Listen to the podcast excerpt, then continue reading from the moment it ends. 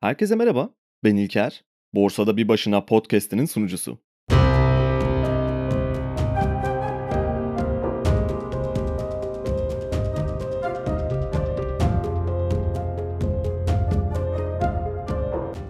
Yola çıkmaya hazır mıyız dedi Frodo. Pippin koşturup gelirken. Hemen harekete geçmemiz gerek. Geç vakte kadar uyuduk. Önümüzde de gideceğimiz epey bir mesafe var. Geç vakte kadar uyudum demek istiyorsun dedi Pippin. Ben çoktan uyanmıştım. Sadece senin kahvaltıyı ve düşünmeyi bitirmeni bekliyoruz. Her ikisini de bitirdim ve bir an önce Erşehir şatına varmayı hedefliyorum. Dün gece ayrıldığımız yola geri dönüp işi uzatmak niyetinde değilim. Buradan başlayıp dost doğru araziden gidiyorum. Herhalde uçacaksın öyleyse dedi Pippin. Bu bölgede hiçbir yerde dost doğru yürünemez. En azından yoldan daha kestirme olur diye cevap verdi Frodo. Şat orman sarayın doğusunda fakat yol sola doğru kıvrılıyor. Bak ta kuzeyde şurada bir bölümünü görebilirsin. Kütüğün ilerisindeki köprüden gelen esas yola bağlanmak için batağın kuzey ucundan dolanıyor. Fakat bu bizi asıl yönümüzden çok uzaklaştırır. Eğer bulunduğumuz yerden dümdüz şata doğru gidersek buradan oraya mesafenin dörtte birlik bir bölümünü kazanmış olacağız. Kestirme yollar zaman kaybettirir diye itiraz etti Pipin. Bu civarlardaki arazi engebelidir. Hele aşağıda, batakta, bataklıktan tut da her türlü zorluk var. Buraların toprağını bilirim. Hem mesele kara suvarilerse onlarla yolda karşılaşmakla ormanda veya kırlarda karşılaşmak arasında bir fark göremiyorum.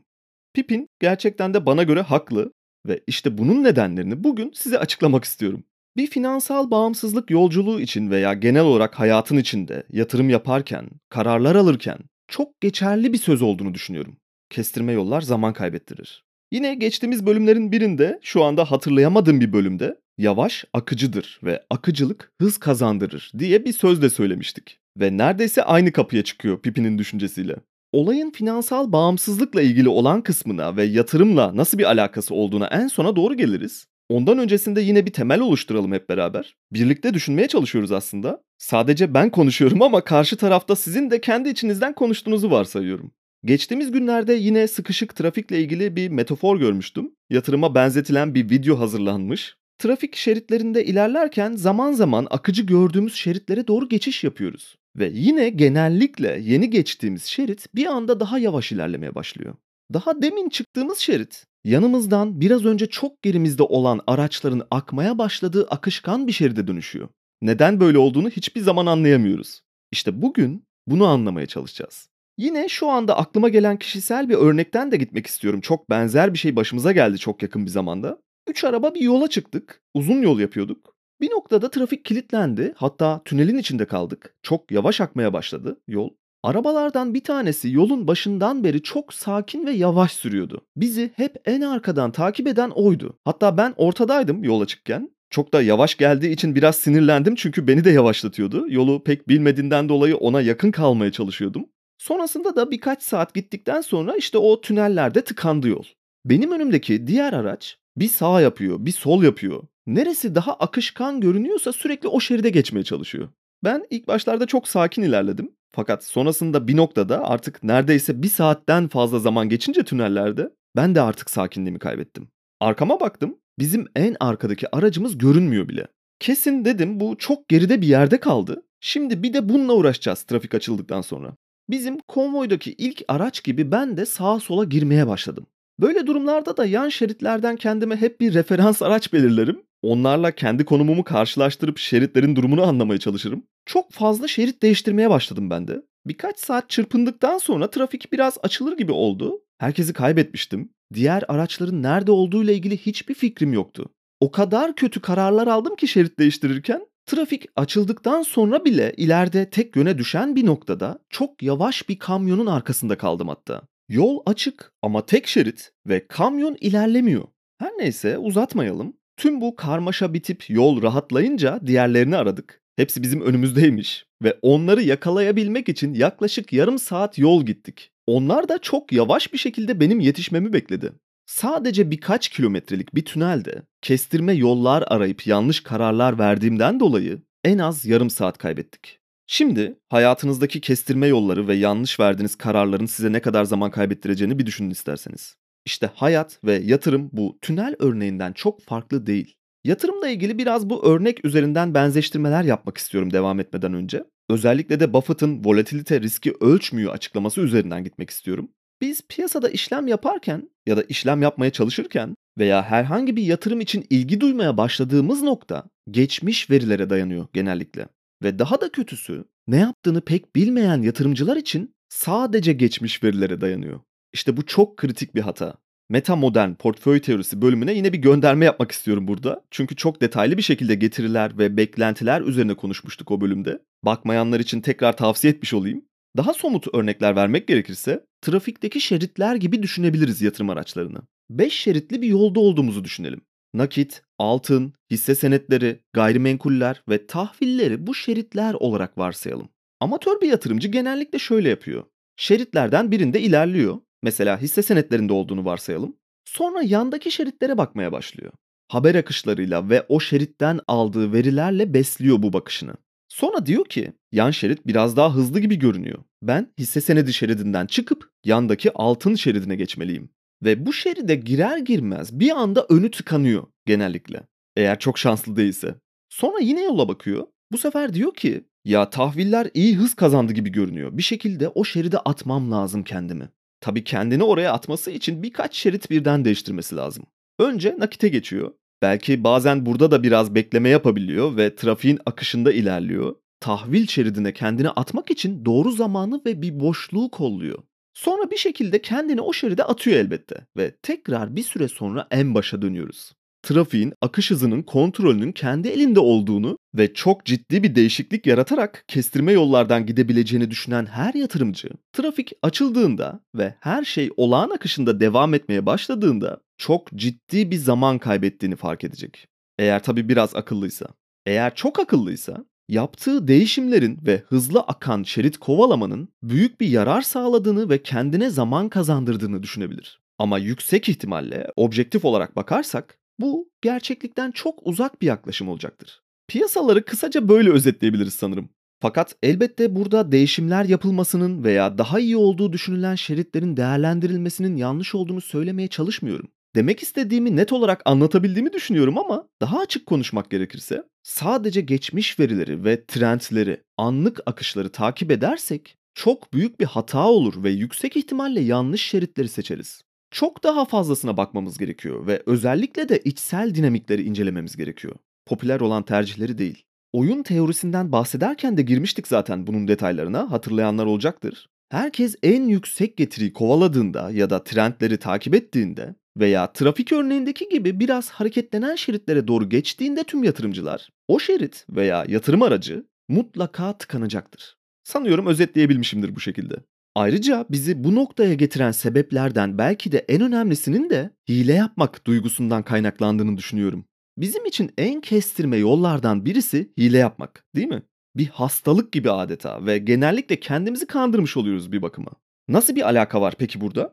Geçtiğimiz yıllarda sanıyorum 4-5 sene geçti üstünden. Bir dönem GTA'ya çok takmıştık arkadaşlarla. Hatta online oynuyorduk. Açık dünyada kendine bir hayat kuruyorsun. Konumuzla da biraz ilgisi var yani. Tabi suç işleyerek, soygun yaparak veya sana verilen görevleri falan yaparak oyun içinde para kazanıyorsun. Kendine araçlar alıyorsun, ev alıyorsun, villa alıyorsun, işletmeler falan satın alıyorsun. Kulüpler kurup online bir simülasyon hayatı yönetiyorsun. Fena bir oyun değildi yani. Bir gün bir arkadaşım geldi. Benim kariyer modu diyelim artık ona girdi. Bir anda ekrana değişik değişik şifreler, hileler yazmaya başladı. Roketler, helikopterler, sınırsız mermi, arabalar, tanklar acayip bir şeye dönüştürdü karakterimi bir anda. Bütün şehirle çatışıyor. Oğlum yapma bak diyorum. Ben bunu öylesine zevk almak için kendimce kurallara uyarak online bir hayat yaşıyorum burada. Bozma işte bunu diyorum. Ama gözlerindeki o kıvılcımları ve coşkuyu görmeniz lazım. Ne kadar çok hile girerse oyuna o kadar zevk alıyor. Elbette bütün kurallara her zaman için uymamız şart değil ve hatta tam tersini savunuyorum. Ama kuraldan ziyade bazı prensipler geliştirmenin önemini vurgulamaya çalışıyorum. Çok fazla da örnekler üzerinden gittik. Aslında kavramlar üzerine daha soyut ama objektif bir bakış açısıyla konuşmayı tercih etmeye çalışıyorum genelde. O yüzden örnekleri bir kenara bırakalım ve hile konusunu biraz daha derinlemesine konuşalım istiyorum. Hile yapmaya meyilli olduğumuzda bir kısa yol olarak görüyoruz aslında hileleri bizi istediğimiz sonuca ulaştırdığını düşünüyoruz. Çünkü çevremizde şahit olduğumuzu sandığımız şey bu zaten. İnsanların hayatın içinde veya iş hayatında hile yaparak bir yerlere geldiğini düşünüyoruz. Ve görüyoruz zaten bunu. Aynı yöntemleri uygulamak istiyoruz biz de.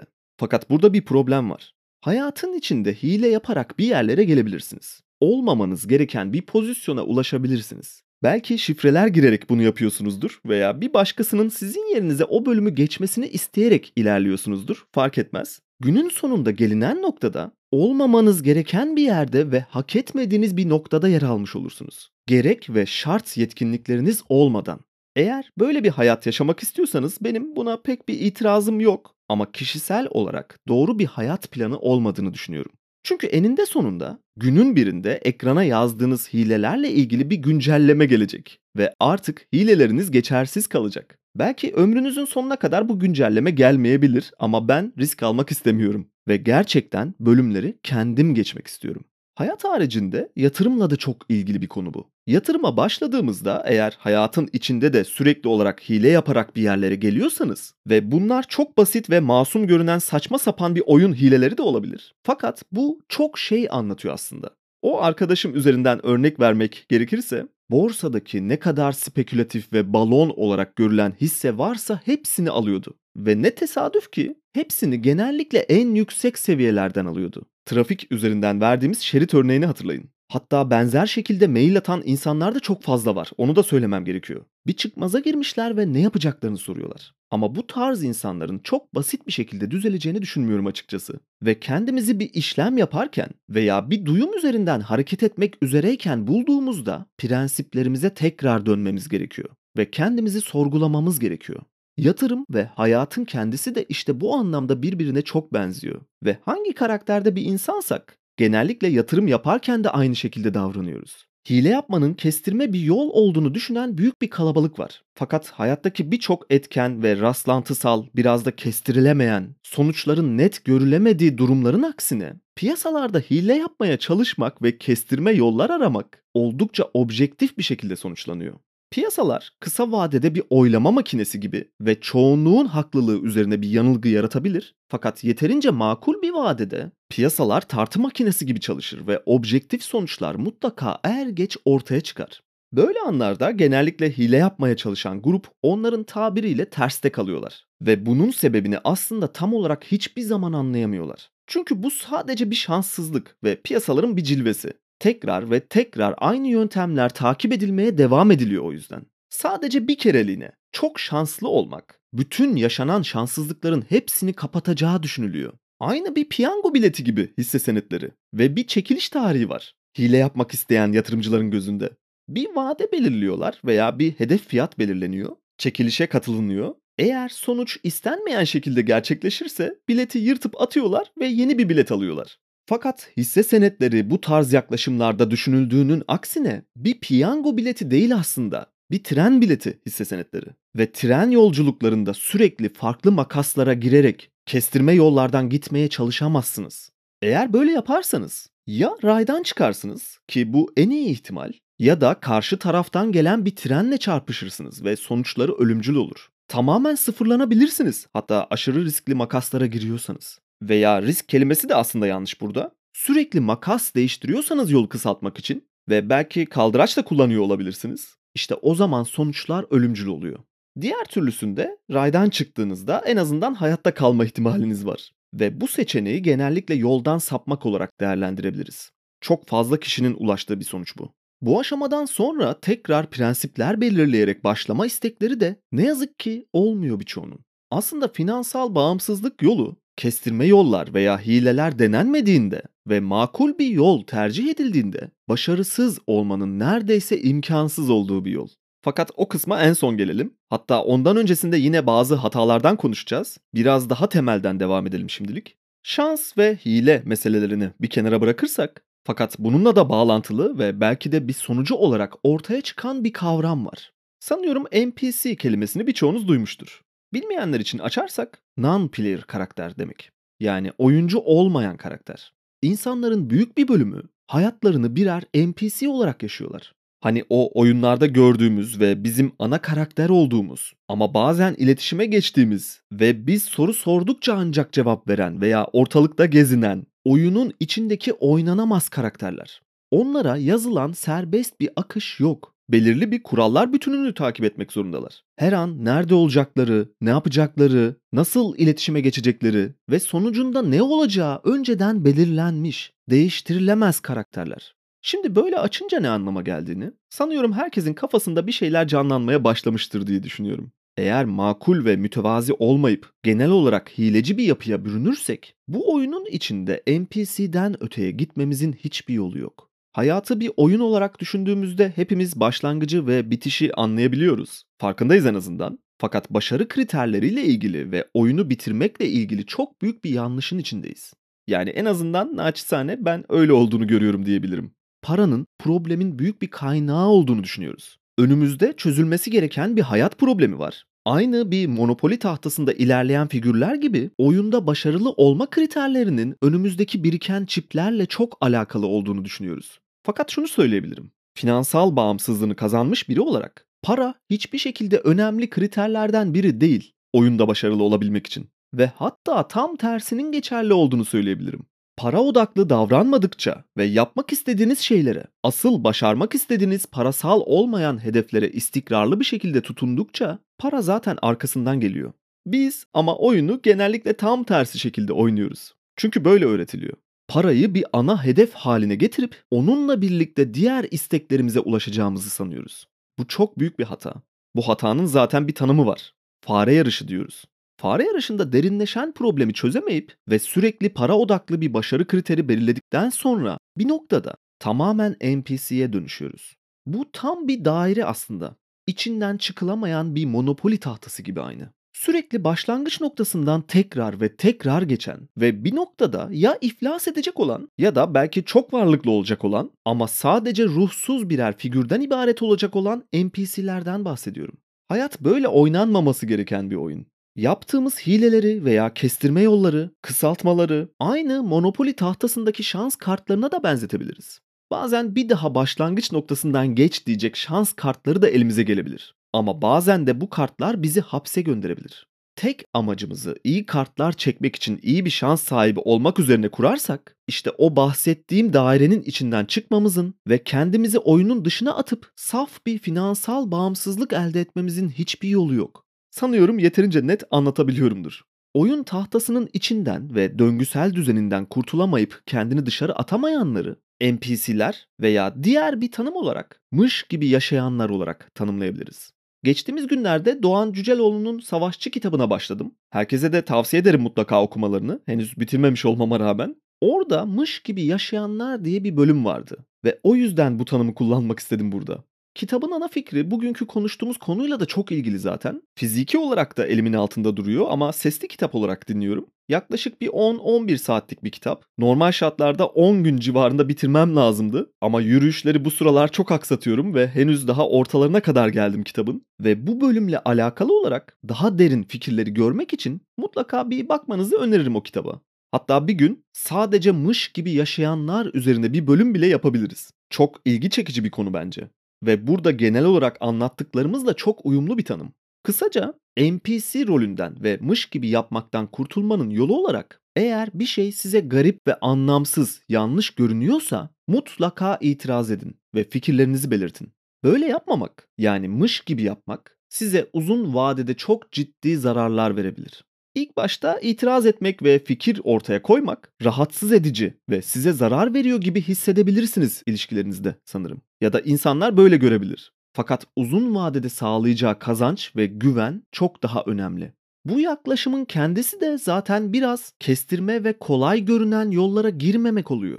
Yine Daniel Kahneman'ın The Prospect Theory dediğimiz sanırım Türkçe olarak beklenti teorisi olarak adlandırabileceğimiz bir kavramı var aslında beklenen fayda teorisi üzerine kurulan ve onu bir bakıma da biraz yanlışlayan ve geliştirmeye çalışan bir teori. Hatta Daniel Kahneman bu teoriyle 2002'de Nobel ödülü aldı. Onu da söylemek gerekiyor.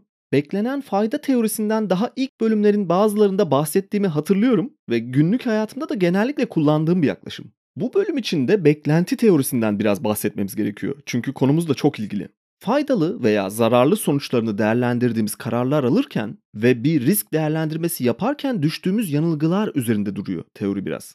Doğan Cüceloğlu'nun bahsettiği o mış gibi yapmak veya yaşamakla Yine biraz önce konuştuğumuz kısa ve uzun vadeli kazanç ve kayıpları tartarken yanılgılarımızın toplamı sonucunda bir NPC'ye dönüşmemizle mış gibi yaşamamızla çok ilgili bir yaklaşım beklenti teorisi.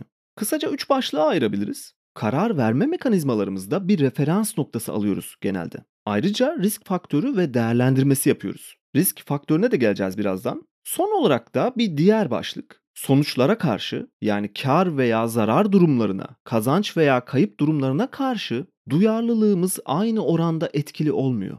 Biliyorum biraz karışık görünüyor olabilir. Şimdi kısaca açacağım tüm maddeleri ve her şey çok daha yerine oturmuş olacak. Sondan gidelim. Öncelikle kazanç ve kayıp değerlendirmesinden başlayalım. Sonuç üzerine konuşuyoruz aslında şu anda biraz ve tümden gelim yapıyoruz bir nevi. Davranışsal finansın ve piyasa psikolojisinin temellerini oluşturuyor bu arada tüm bunlar. 100 birimlik bir bahis aldığımızı düşünelim. Bahsin sonucunda 10 birim kazandığımızda veya tersi ihtimal olarak 10 birim kaybettiğimizde yani iki yönlü de %10'luk değişimde aynı tepkiyi vermiyoruz. Genellikle ve psikolojik olarak çalışılarak ortaya çıkartılan bir sonuç olarak 10 birim kaybettiğimizde çok daha fazla acı çekiyoruz. 10 birim kazanmadaki coşkunun yanında. Herkes yaşamıştır sanıyorum bunu. Ve bu da bizi risk değerlendirmesine yönlendiriyor zaten. Sondan başlamamın sebebi buydu. Kayıplarda daha çok acı çektiğimizden dolayı risk almak istemiyoruz. Ve zaten riski de aslında çok yanlış değerlendiriyoruz. Piyasalarla ilgili konuşurken volatilite ile riskin ölçümü gibi hatalardan bahsettik zaten. Burada da benzer bir durum var ve referans noktası hatalarından dolayı risk değerlendirmemizde yanlışlar veya yanılgılar doğuyor. Son maddede konuşmuş olacağız zaten onu da. Şöyle bir örnek üzerinden gidelim. Yine 100 birimlik bir teklif olsun masada. Fakat şöyle bir durum var. Teklifi sunan kişi %90 ihtimalle 100 birim kazanacağımızı söylüyor. Sonra ikinci bir teklif daha yapıyor. Diyor ki hiç bu ihtimaller oyununa girmeye gerek yok. Ben sana şu anda %90 ihtimalle 100 birim kazanmak yerine %100 ihtimalle 50 birim verebilirim. Bu teklifi kabul eder miydiniz? Yüksek ihtimalle kabul ederdiniz veya biraz akıllı davranıp hayır dediğinizi de duyar gibiyim bazılarının. Ama işler gerçekten böyle olduğunda birçok insan ikinci teklifi kabul ediyor. Özellikle Eurobond yatırımı yapanları veya bugünlerde KKM'de para kilitleyenleri işte bu ikinci teklifi kabul eden grup olduğunu söylemem gerekiyor ne yazık ki. Sanıyorum şu anda her şey biraz daha oturuyordur. Daniel Kahneman'ın anlatmak istediği şeyle ilgili. O yüzden son maddeye geçelim. Yani referans noktalarımıza. Aldığımız referanslarımız yine aynı bölümün başında konuştuğumuz gibi geçmiş verilere dayalı. Ama gelecekle ilgili hiçbir açıklama yapmayan hatalı ölçüm şekilleri.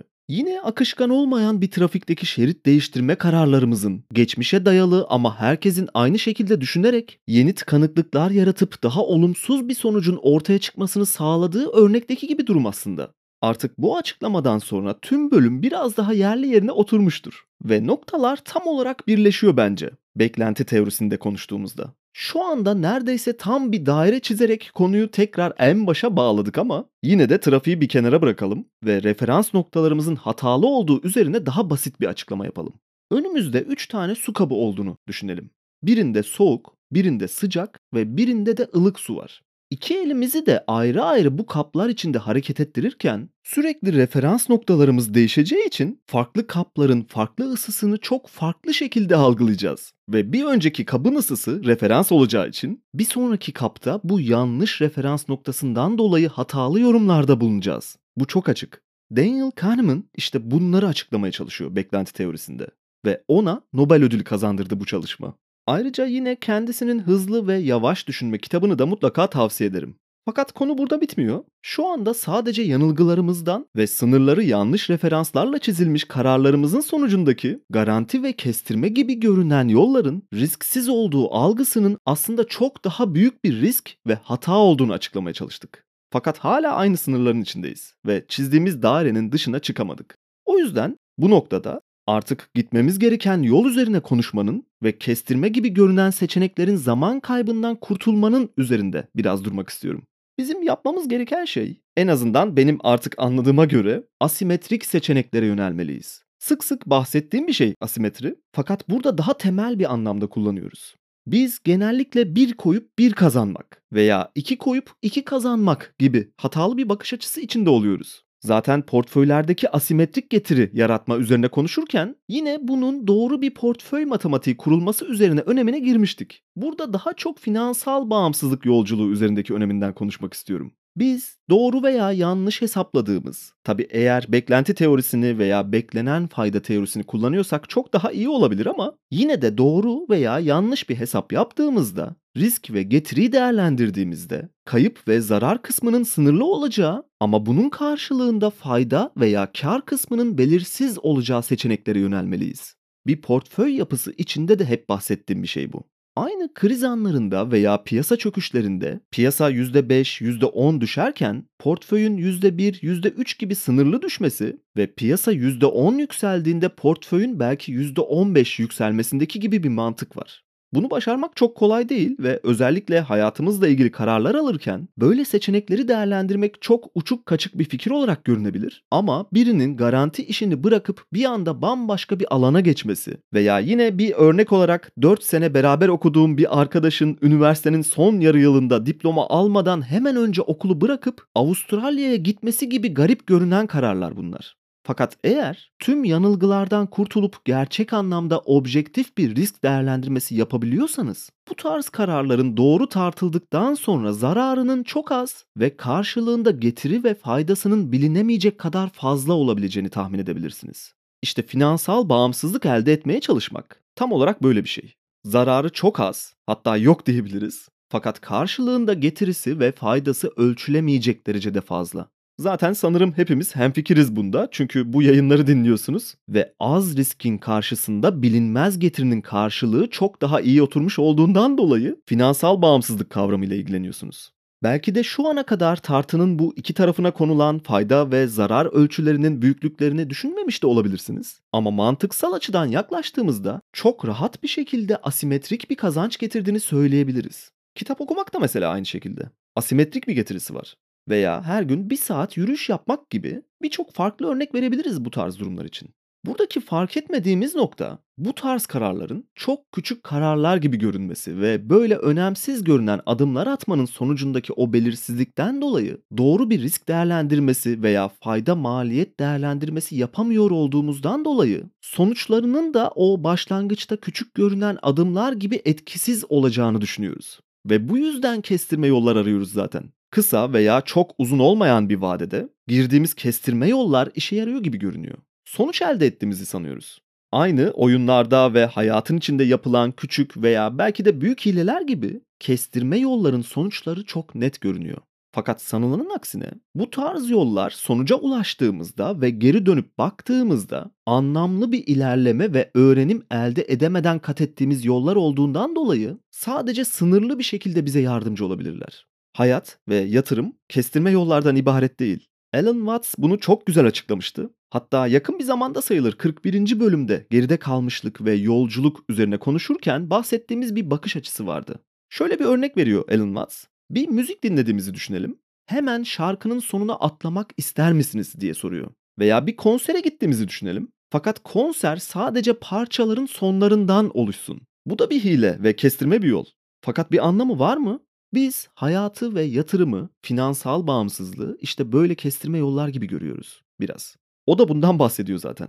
Aynı benim trafik örneğindeki gibi A noktasından B noktasına en hızlı ulaşanın veya sürekli hızlı akan şeritler kovalayıp zaman kazanmak isteyenlerin B noktasına geldiğinde aslında kazandıkları hiçbir şey yok. Ve zaten genellikle de sadece böyle düşündükleri için zaman kaybetmiş olacaklar. Hatta belki de ulaşamayacaklar. O yüzden Hayat böyle A noktasından B noktasına en erken ulaşmak üzere kurulan bir hedef gibi düşünülmesi gereken bir yolculuk değildir diyor. Ama birçoğumuz bunun farkında değiliz. Bu tarz konularla ilgili çok fazla mail alıyorum. Zaten biraz da o yüzden bu bölümü yapmak istedim. İnsanlar uzun yıllardır yaptıkları hataları ve pişman oldukları işlemleri anlatıyorlar ve günün sonunda yıllar sonra dönüp baktıklarında aslında hiçbir yol kat edemediklerini hatta başlangıç noktasından çok ileriye gidemediklerini fark ettiklerinden bahsediyorlar. İşte bana göre yatırım ve hayatın ayrıldığı en önemli nokta burada devreye giriyor. Hayatın içindeki hilelerimiz ve kestirme yollar kullanma isteğimiz toplum tarafından kabul gören bir şey. Ve oyunu yanlış anlamamıza rağmen bu oyunun skor birimi saf para olarak görüldüğünden dolayı bu tarz kazançların ve kestirme yolların sonuç verdiği yanılgısına düşülüyor. Bu insanlar yatırım yaparken bocalıyorlar. Çünkü piyasalar yeterince makul ve uzun bir vadede onların skor tuttuğu bu yanılgı şeması üzerinden işlemiyor. Piyasalar irrasyonel ve tahmin edilemez olsa da bir noktada objektif sonuçları mutlaka bize gösteriyor ve sıraya kaynak yapmaya çalışanlar, kestirme yollar üzerinden hızlı bir şekilde yüksek kazanç elde etmeye çalışanları eleyerek oyunun dışına itiyor. Hayatın tam tersi şekilde. Finansal bağımsızlık yolculuğunda olmak, eğer oyunun kuralları doğru algılanırsa ve ona göre rasyonel bir bakış açısıyla yaklaşılırsa, başarısız olmanın mümkün olmadığı bir yol. Biraz şaşırtıcı görünüyor değil mi? Çünkü ben yaptım desem bile hala ikna olmuş değilsiniz belki de. Başarısız olmak nasıl mümkün olmasın diye düşünebilirsiniz. Biraz önce konuştuk. Asimetrik getiri diye bir şeyden bahsettik hatırlarsanız. Öğretilen veya belki bize dayatılan demek daha da doğru olabilir. Böyle yanılgılarımızın aksine çok düşük ve sınırlı negatif tarafı olan ama pozitif tarafı belirsiz bir büyüklükte olabilecek bir tercih yaptığınızda eğer bahsettiğim temellerde kurulan bir tercihse bu, başarısız olmanız mümkün değil. Bu açıklamayla daha iyi anlaşılmıştır diye düşünüyorum şimdi. O yüzden oyunun yanlış öğrendiğimiz kurallarını terk edip fare yarışının farkına varıp ve aynı bir monopoli tahtası üzerindeki bir figürden farkımız olmadığını anlayıp neredeyse bir NPC'ye dönüştüğümüzü fark edip kestirme yolları reddedip tersi yönünde adımlar atmaya başlamalıyız. Gerçekten varmak istediğimiz noktaya ulaşmak için. Frodo ve onun yolculuğuna geri dönersek tam bu noktada şöyle devam ediyor. Madem bataklıklarla ve dikenliklerle cebelleşeceğiz hemen gidelim dedi Pippin. Daha şimdiden neredeyse bir önceki günkü kadar sıcak olmuştu bile. Ama batıdan da bulutlar geçmeye başlıyordu. Hava yağmura dönecek gibiydi. Hobbitler dik, yeşil bir uçurumdan paldır küldür inerek aşağıdaki sık ağaçların içine daldılar. Kendilerine orman sarayı sollarında bırakacak ve dağın doğu tarafında öbeklenmiş ormanlardan eğrilemesine geçip ilerideki ovalara ulaşacak bir güzergah çizmişlerdi. Oradan sonra birkaç hendek ve çit sayılmazsa açıklık bir arazide doğrudan şatın yolunu tutabilirlerdi. Frodo düz bir çizgi halinde giderlerse önlerinde 18 mil olduğunu hesaplıyordu. Kısa bir süre sonra ağaçlıkların göründüklerinden daha sık ve birbirine daha dolanık olduğunu anladı. Ağaçların altında patika falan yoktu ve pek hızlı ilerleyemiyorlardı. Büyük uğraşlarla tepenin eteğine vardıklarında burada üzeri böğürtlen çalılarıyla örtülü, her iki yanı da kaygan ve dik olan derin bir yatak içinde arkadaki dağlardan çıkıp gelen bir derenin aktığını gördüler. Münasebetsizce onların seçtikleri yolun tam ortasından geçiyordu dere. Ne üzerinden atlayabilirlerdi ne de ıslanmadan, üstleri başları çizilmeden ve çamurlanmadan içinden geçebilirlerdi. Ne yapacaklarını düşünerek durdular. Birinci çinko dedi Pipin acı acı gülerek. Bu haftalık benden bu kadar. Umarım keyif almışsınızdır. Ekstra olarak bakmak isteyenler Satoshi Radyo Podcast'i altında Hodul Günlükleri ismiyle iki haftada bir bölümler yapıyoruz. Daha fazla içerik görmek isteyenler oraya da göz atabilir. Ayrıca açıklamalar kısmında yer alan mail veya Twitter hesabım üzerinden soru ve görüşlerinizi iletebilirsiniz. Bir sonraki bölümde görüşmek üzere.